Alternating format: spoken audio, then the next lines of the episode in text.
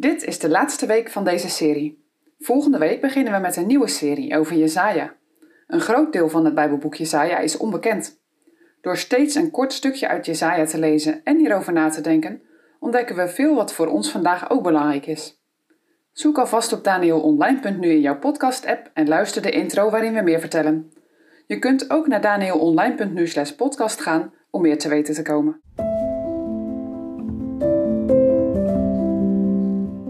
Fijn dat je luistert naar een goed begin. In deze serie luisteren we naar beleidenissen in de Bijbel. Vandaag met Annelien Veldman.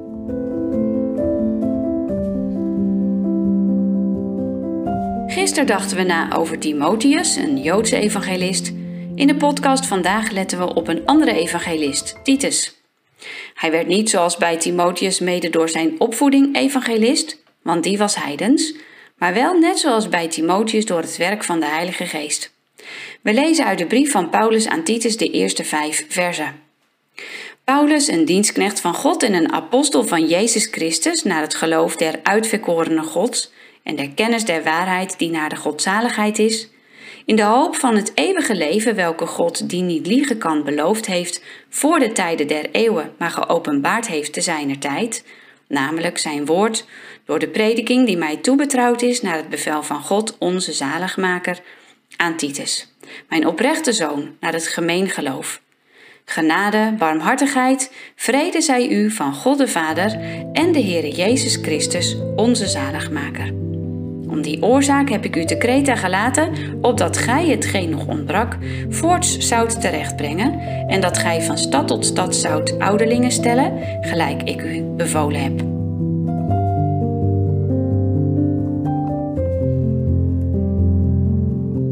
Bij de start van het kerkelijk seizoen na de zomervakantie komt de uitnodiging tot jou of jij beleideniscategorisatie wil volgen, om jezelf voor te bereiden op het doen van openbare geloofsbeleidenis. Ik hoop dat je ernaar verlangt om dat te doen. Het doen van openbare geloofsbeleidenis is in het openbaar uitkomen voor je geloof, van de leer die je gelooft zoals we die vinden in de Bijbel en de gereformeerde beleidenis. En misschien, en dat hoop ik van harte, ook van jouw persoonlijk geloof in de Heer Jezus als jouw zaligmaker, want daar gaat het uiteindelijk om. Je hebt geen recht om onbekeerd te blijven. Geef eens antwoord op de vraag: wat geloof ik eigenlijk? Titus, oorspronkelijk een heidense Griekse jongen, heeft zich dat ook afgevraagd. Geloof ik in de Griekse goden, waarmee ik groot ben geworden, of geloof ik in God de Vader, de almachtige schepper van de hemel en de aarde, en in Jezus Christus, zijn enige geboren zoon, onze Heere? Mijn Vader, mijn Heere. Tot die beleidenis kwam Titus tijdens de eerste zendingsreis van Paulus. Dat heeft hij niet van zich, voor zichzelf gehouden. Zo van: niemand hoeft toch te weten dat ik tot het geloof in God ben gekomen. Het gaat er toch vooral om dat het goed ligt tussen hem en mij? Nee, Paulus merkt het aan hem. Deze jongen is veranderd. We lezen ook in ons Bijbelgedeelte Jezus Christus, onze zaligmaker. Die van mij, Paulus, maar ook die van hem. Wat heerlijk is het als je mensen mag ontmoeten en je merkt dat het zo tussen jullie ligt. Jezus Christus is onze zaligmaker. Het maakt dat Paulus Titus ook vraagt om het gemeentewerk op Kreta, waar Paulus nog niet aan toegekomen is, voor te zetten, ten behoeve van een gezond gemeenteleven. Paulus geeft Titus daar allerlei instructies voor, zoals bijvoorbeeld het aanstellen van ouderlingen. Instructies die niet zozeer gaan over spreken over het geloof, maar meer over het doen van je geloof, het laten zien in de praktijk van elke dag. Je hebt in de afgelopen weken verschillende geloofsbelijdenissen gehoord en gelezen. Is het je opgevallen dat er geen één hetzelfde was? En toch waren er ook overeenkomsten. Paulus schrijft in het Bijbelgedeelte van vandaag het gemeen geloof. Hij bedoelt hetzelfde geloof. Wat is er dan hetzelfde in het zaligmakende geloof in de Here? Als we deze vraag onderzoeken vanuit de Bijbel, dan ontdekken we een aantal elementen. Je vindt ze ook terug in onze gereformeerde beleidenis. Ik noem er vijf. Kun jij ze met je hart nazeggen?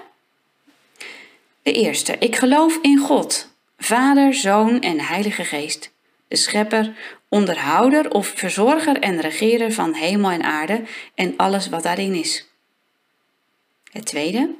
Ik ben zondig, altijd al geweest en daarom een kind van de toorn. volledig onbekwaam om het goede te doen en altijd geneigd tot het verkeerde. Ik vertreed de geboden van de Heere in wat ik denk, doe en zeg, en daar heb ik van harte verdriet van. Het derde, ik geloof dat de Heere Jezus mij tot een zaligmaker is geworden.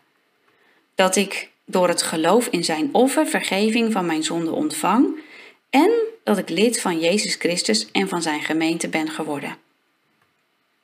Het vierde, ik stem toe in de artikelen van het christelijk geloof, zoals die in mijn gemeente uit het woord van God geleerd worden. En ook heb ik het voornemen om in die leer tot het einde van mijn leven vol te houden, door naar het woord van God te blijven luisteren. En dan als laatste, ik neem mij van harte voor om altijd christelijk en niet werelds te leven en ben daarop aanspreekbaar. Nu zeg je misschien, als ik dat moet beleiden, dan geef ik me niet op voor beleideniscategorisatie. Deze beleidenis is zo veelomvattend, dat kan ik echt niet beleiden. Ik zou willen dat het zo voor mij was. Oh ja? Sta dan eens stil bij deze gedachte. Beleid je, als je geloofsbeleidenis doet, dat jouw geloof volkomen en jij rechtvaardig bent? Is het niet zo dat je bij het doen van geloofsbeleidenis beleidt dat je weet waar je dat volkomen geloof en die rechtvaardigheid vinden kunt? In het woord en in de artikelen van het christelijk geloof, zoals je dat in jouw gemeente geleerd wordt. Wat is de Heere toch onuitsprekelijk goed dat Hij jou in die christelijke gemeente een plaats heeft gegeven, ten opzichte van zoveel anderen. Je zit bij de levensbron, de plek van genade, barmhartigheid en vrede van God en van de Heere Jezus Christus. En ja, misschien heb je dat ook ervaren, dat je daar gevoed wordt, verzadigd. Dan mag je geloofsbeleidenis daar ook een getuigenis van zijn. En dan wordt dat net als bij Titus zichtbaar in de praktijk van elke dag. Vandaag geen vraag, maar een oproep. Sluit je aan bij je gemeente. Bij de gemeente waar je volkomen geloof en rechtvaardiging vinden kunt.